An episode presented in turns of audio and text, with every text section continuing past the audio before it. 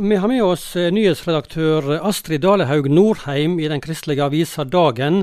Og fra din ståstad i Presse-Norge, hva var det mest overraskende med valgresultatet i går? Du, Det kommer litt an på når en eh, sammenligner med, men eh, det mange ble nok overraska over, var at MDG kom under sperregrensa, selv om vi så at de lå, de lå rett rundt. Eh, men òg kanskje at eh, Arbeiderpartiet, Senterpartiet og SV ser ut til å få et ganske trygt flertall, hvis de vil regjere sammen. Men eh, klart, det som jeg var på KrF sin valgvake, og da, der var det voldsom neglebiting. men at det var overraskende at jeg havna under grensa, det kan jeg kanskje ikke si. Men det var iallfall veldig følelsesladd. Tall fra NRK nå som jeg har sett i dag, viser at KrF ligger på 3,8 nå, altså under denne sperregrensa. Og ligger an til å få da tre mandat inn på Stortinget. Det er Dag Inge Ulstein, mm. Olaug Bollestad og Kjell Ingolf Ropstad. Hva skyldes at ikke KrF klarte å komme over sperregrensa? Altså Sitt på litt avstand, så uh, ville det kanskje vært et større under om de kom over. Vi må huske at For fire år siden så fikk de 4,2 og var bare 5000 stemmer eh, over sperregrensa. Eh, det er helt marginalt. Etter det så hadde de en veivalgsprosess. Så delte partiet omtrent i to. Så gikk de inn i regjering eh, med Frp. En del tykte det var ganske tungt. Opplevde det som et løftebrudd, men de så ikke annen mulighet. Så eh, har de sittet i regjering, hatt mye makt. Eh, fått gjort mye. Kan vise ei god liste på ting de har fått gjennomslag for. Eh, men når du sitter i regjering, så er det òg alltid betydelig regjeringsslitasje. Ikke minst for de små partiene. Så Sett i lys av det, så ville det kanskje vært en større overraskelse om de hadde klart det å komme seg over. Men likevel, det var optimisme helt fram til klokka ni, eh, eller ti kanskje til med, i går kveld. Nettopp fordi at de har mobilisert så voldsomt, eh, spesielt inn mot eh, Kristen-Norge. Du, disse medieoppslagene nå ei uke før valget om eh, stortingsleilighet, manglende flyttemelding fra gutterommet for partilederen, eh, har det hatt noe å si for resultatet i går? Eh, det er vanskelig å si nå, eh, men det skapte en uro. Eh, plutselig gjorde at det var litt vanskelig å, å tolke hvordan tallet egentlig gikk for KrF de siste dagene. Eh, for jeg opplevde to ting. Eh, det ene var at eh, de som var utenfor partiet, var oppgitt over Ropstad og de valgene han hadde tatt, selv om det var innenfor regelverket. Innad i partiet så eh, virker det som at man slo veldig eh, ring om han, og det øker kamplysten. Man opplevde det urettferdig at det skal komme et sånt oppslag ei uke før. og dessuten hadde ikke han gjort noe annet enn det alle andre hadde gjort, og eh, hvorfor skulle han eh, framstilles eh, sånn. Så eh, jeg tror det var, det var med å dele, men akkurat hvordan det har, har spilt ut, det er vanskelig å si. Hvordan skal nå KrF klare å reise seg etter dette valgnederlaget?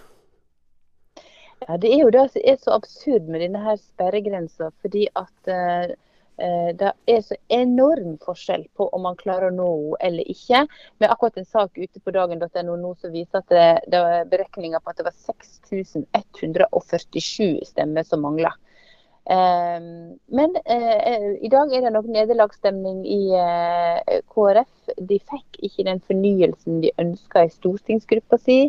Um, det er en utfordring for, uh, for, et parti å gå under sperregrensa, for da mister en ikke bare en del av stortingsgruppa, sånn som KrF, at de må gå ut av regjering. Men de mister òg en organisatorisk kraft, utvikling, en plass å dyrke nye talent osv. Men ei krise kan òg eh, gi eh, nytt liv, hvis man er villig til å, å, å bruke henne slik eh, dyp erkjennelse og nytt liv. Og det er nok, Jeg tipper at det er det sporet en ønsker å eh, gå etter. Eh, og Min kollega Tarjei Gilje skriver i en kommentar i går kveld at han tror vi kommer til å se et mer pragmatisk eh, KrF eh, framover. Ja, hva vil si et pragmatisk KrF. Hva betyr det i politikken? Det betyr, eh, sånn som han antyder, at du vil se et KrF som prøver å bredde seg ut. Du ser allerede tegnet på det i partiprogrammet i dag, bl.a. at de er mindre bestandt i formuleringen knytta til motstanden mot selvbestemt abort. Det betyr også kanskje mer at du vil ha plass til flere ulike stemmer. Kollega Terje Gilje peker bl.a. på at Ina Lindseth Røse var den som ble innsatt som vikar for eh, Ropstad eh, når Ropstad var ute i pappaperm. og Hun eh, er positiv til å gå i pride og ha et annet syn på abort enn det tradisjonelle KrF-synet. Så jeg tror nok vi vil se mer av den type ting, er hans antydninger. Vi må òg se litt på partiet De kristne, PDK. De ble mm. stifta i 2011, har ikke fått mandat på Stortinget så langt. Eh, ifølge tall fra NRK så har de nå altså 0,4% oppslutning under årets eh, stortingsvalg. En framgang på 0,1% i forhold til eh, sist valg. Hva mm. har det hatt å si for KrF, som kom under sperregrensa, disse som da stemmer på PDK? Da er nok en del som vil eh, oppleve at de er ødelagt som KrF. Eh, det er ikke nødvendigvis eh, så enkelt. Hadde alle som stemte på PDK stemt på KrF, så hadde KrF vært over sperregrensa.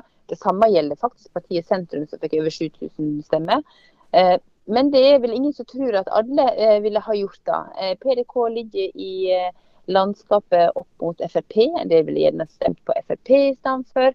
En del eh, vil, Man regner vanligvis med at de har en del som ville vært gjerdesittere og ikke stemt i hele tatt.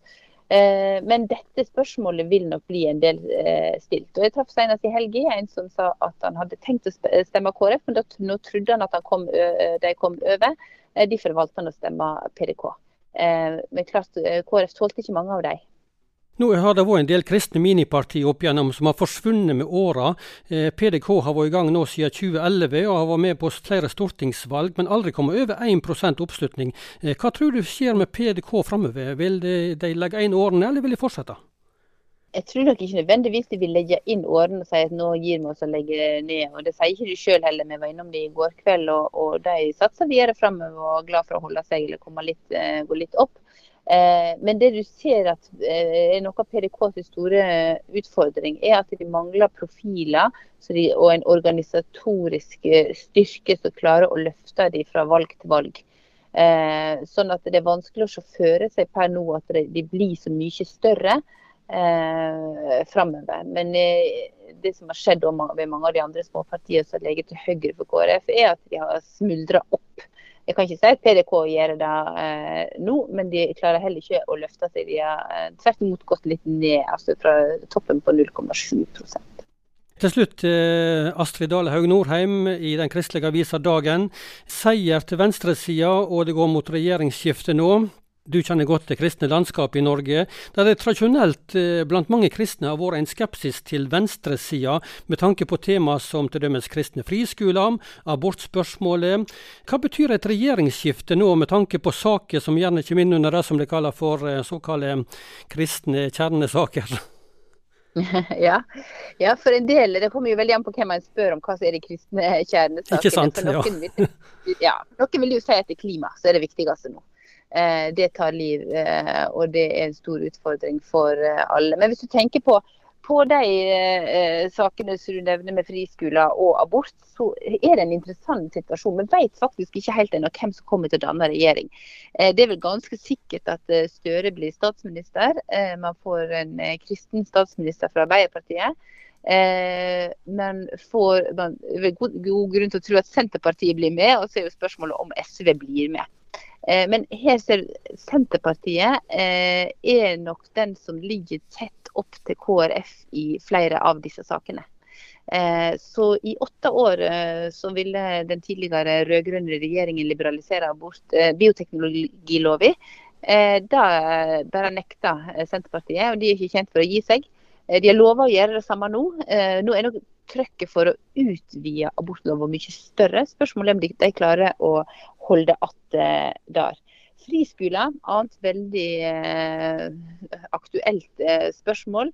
Arbeiderpartiet er veldig skeptisk til at eh, fri, eh, fellesskolen som de kaller det, blir svekka, og vil bruke ulike midler eh, til å, å, stoppe at friskoler blir eh, oppretta. Vi så senest på Karmøy nå nylig at de brukte reguleringsplanen Eh, de klarte ikke det, for de var jo i mindretall, men likevel. De ønsker et lokalt veto, at kommunene skal kunne avgjøre om eh, det skal kunne etableres friskoler. Da vet vi at da vil det bli et flertall av kommunene, iallfall fra erfaringen, som, der de ikke vil kunne etablere friskoler. Men det, det kommer an på, på hvor viktig viktig disse sakene er for de regjeringspartiene. Og jeg vil tippe at abortsaken er der det kommer til å bli mest eh, strid. For det er viktig for eh, Arbeiderpartiet og SV å utvide grensa for eh, fri abort. Og det er viktig for Senterpartiet at den ikke blir det.